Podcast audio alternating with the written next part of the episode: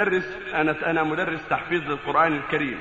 سمعت بعض الناس يقولون إنه لا يجوز أخذ الأجرة على تعليم القرآن ولا على قراءته.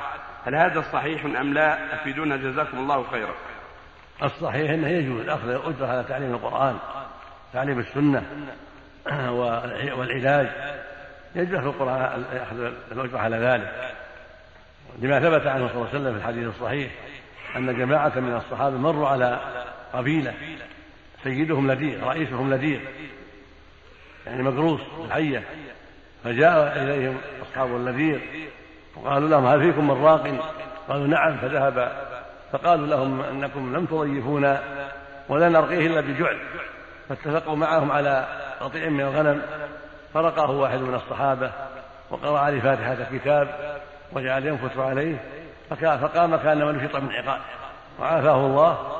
واعطوهم جعلهم فقال الصحابة لا نتعرضه حتى نأتي النبي صلى الله عليه وسلم. فلما أتوا النبي صلى الله عليه وسلم وأخبروه قال أحسنتم واضربوا لي معكم بسهم. يطيب نفوسهم بذلك. وقال إن أخذ أحق ما أخذت عليه أجرا كتاب الله.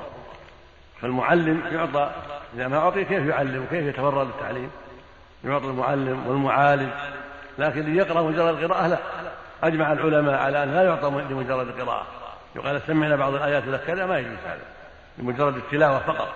أما المعلم اللي يعلم الناس يوجههم إلى الخير يعلمهم كتاب الله يعلمهم السنة يدرس في المدارس يعطى رواتب حتى يتفرغ لهذا الأمر حتى ينشط في ذلك.